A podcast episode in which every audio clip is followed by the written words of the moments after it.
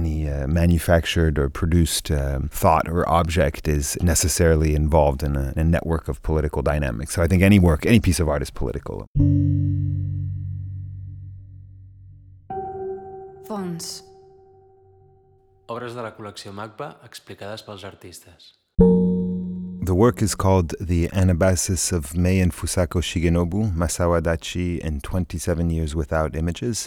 And it's an installation that's comprised of a film, a 66 minute film, a series of nine screen prints, monochromatic black on black screen prints, and a framed piece that's a collection of photographs of a, of a family album that's incomplete.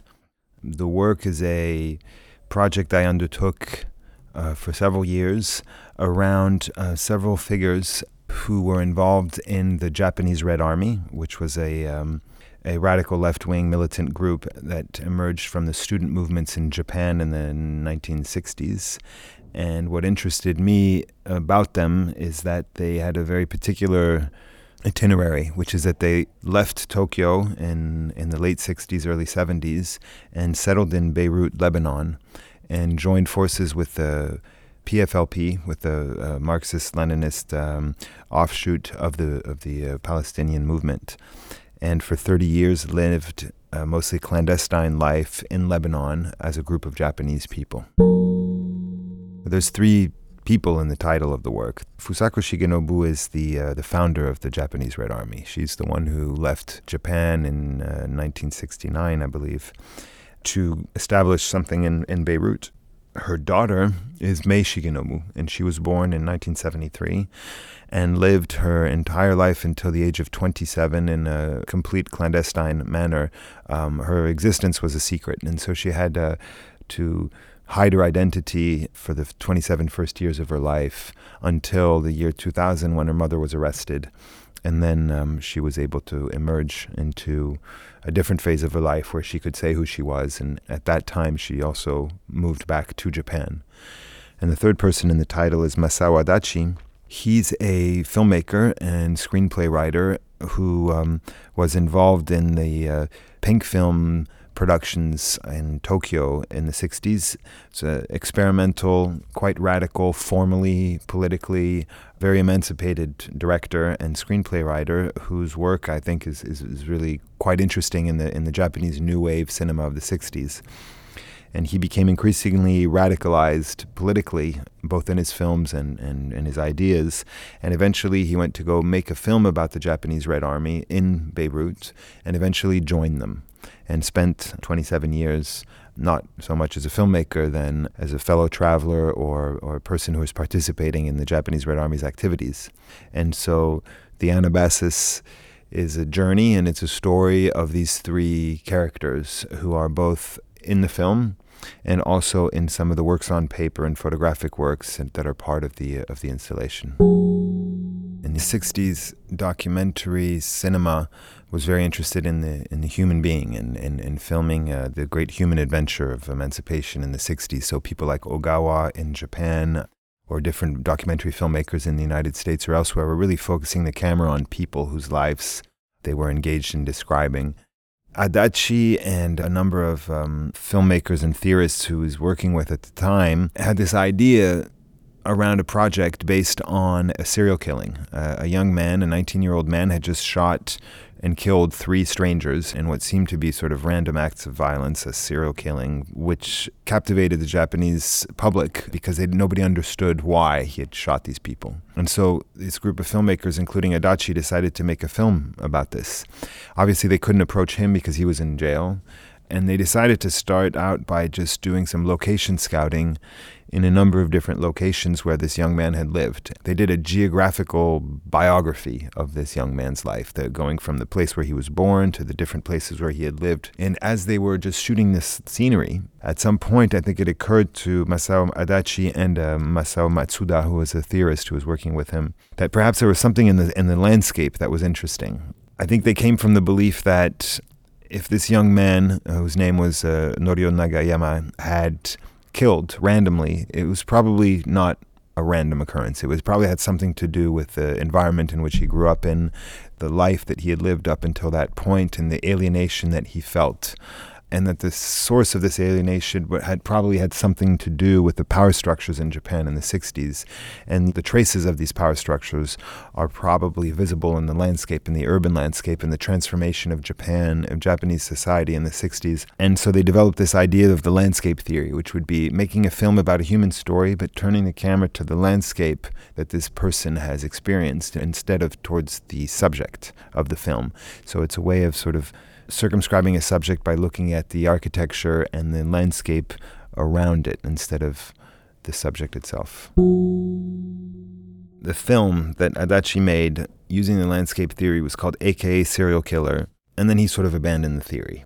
Probably because it had some limits and it wasn't able to address some of the other ideas that he had for making films in the years that followed. I had this idea of sort of turning the theory back on the theorist and saying, well, I, what if I were to make a film about the theorist applying the theory that he developed?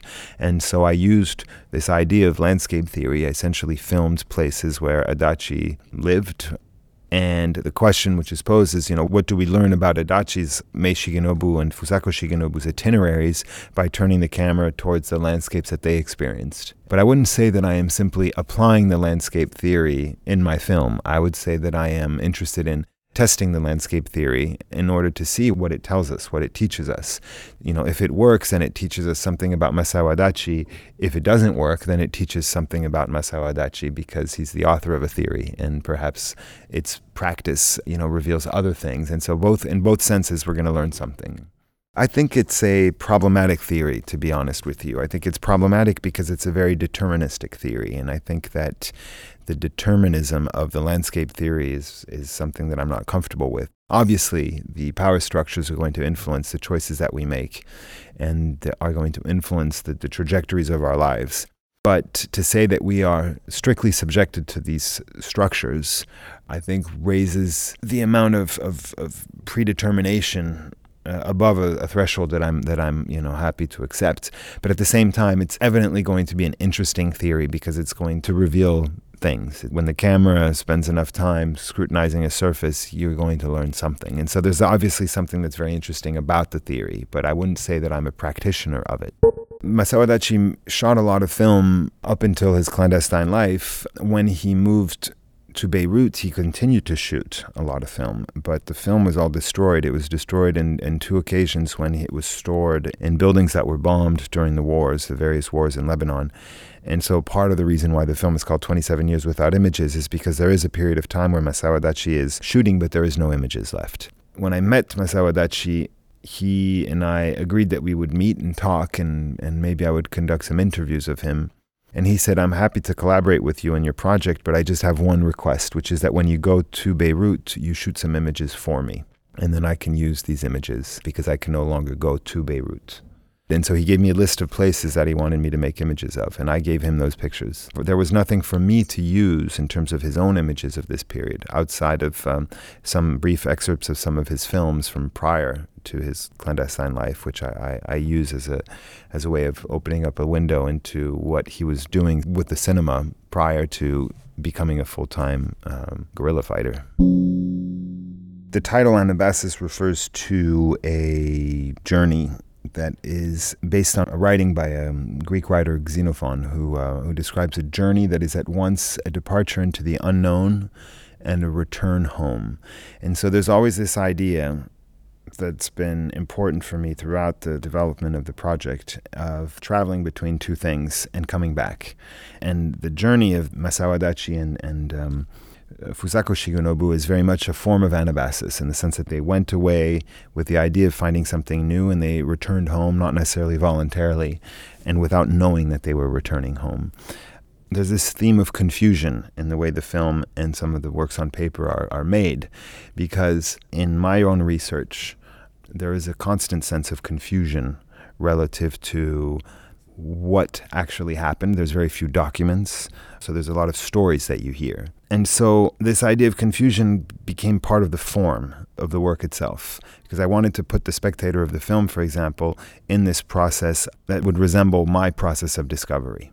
One of the ways in which I wanted to create this confusion was around the question of time, of past and present. In other words, by using Super 8 film or by making images of places and collapsing images of Tokyo and Beirut together in the edit, the film, I think, does fabricate this sense of you don't necessarily know where you are, both in place, but also in time.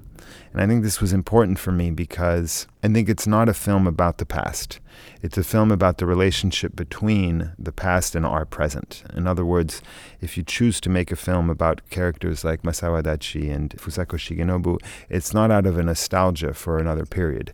I think for me, it's very much about understanding how the radical decisions made by this generation informs the decisions that our generation has to make. And here too, this sense of the Anabasis returns because a lot of people who are engaged in, in protest or in struggle today are reaching some of the same conclusions that the generation of Masao Adachi and Fusako Shigenobu reached.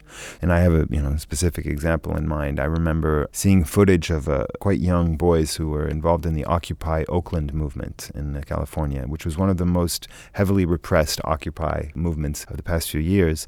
I remember seeing this footage of these these young boys with you know blood streaming down their faces and saying, essentially, why should the monopoly of violence be on the side of the state? We were peacefully occupying this place. The police came with an extreme amount of violence. Why should we politically accept that the monopoly of violence is on their side? Why don't we challenge them in the same way that they challenge us. And essentially, this is the logic that led to, in 1968 in Tokyo, when the mass student movement started to fail, a small group of people to radicalize and go underground and decide that armed struggle is the way forward in several countries, in Italy, in Germany, in Japan. And so, this idea of Anabasis, again, is a way for me of thinking about the past and linking it back up to the present in a way where I, I, would like to think that we are not returning simply back to the place of origin, but we are doing so in a modified state of mind, uh, having reflected upon this past. The idea that there would be a return might imply, or at least leads to, the question of regret. I think it's generally a big question when dealing with extreme radicalism because society has completely turned its back on the armed forms of struggle that these people partook in although at the time there was a for a short amount of time there was a large portion of the public that was in support of these initiatives.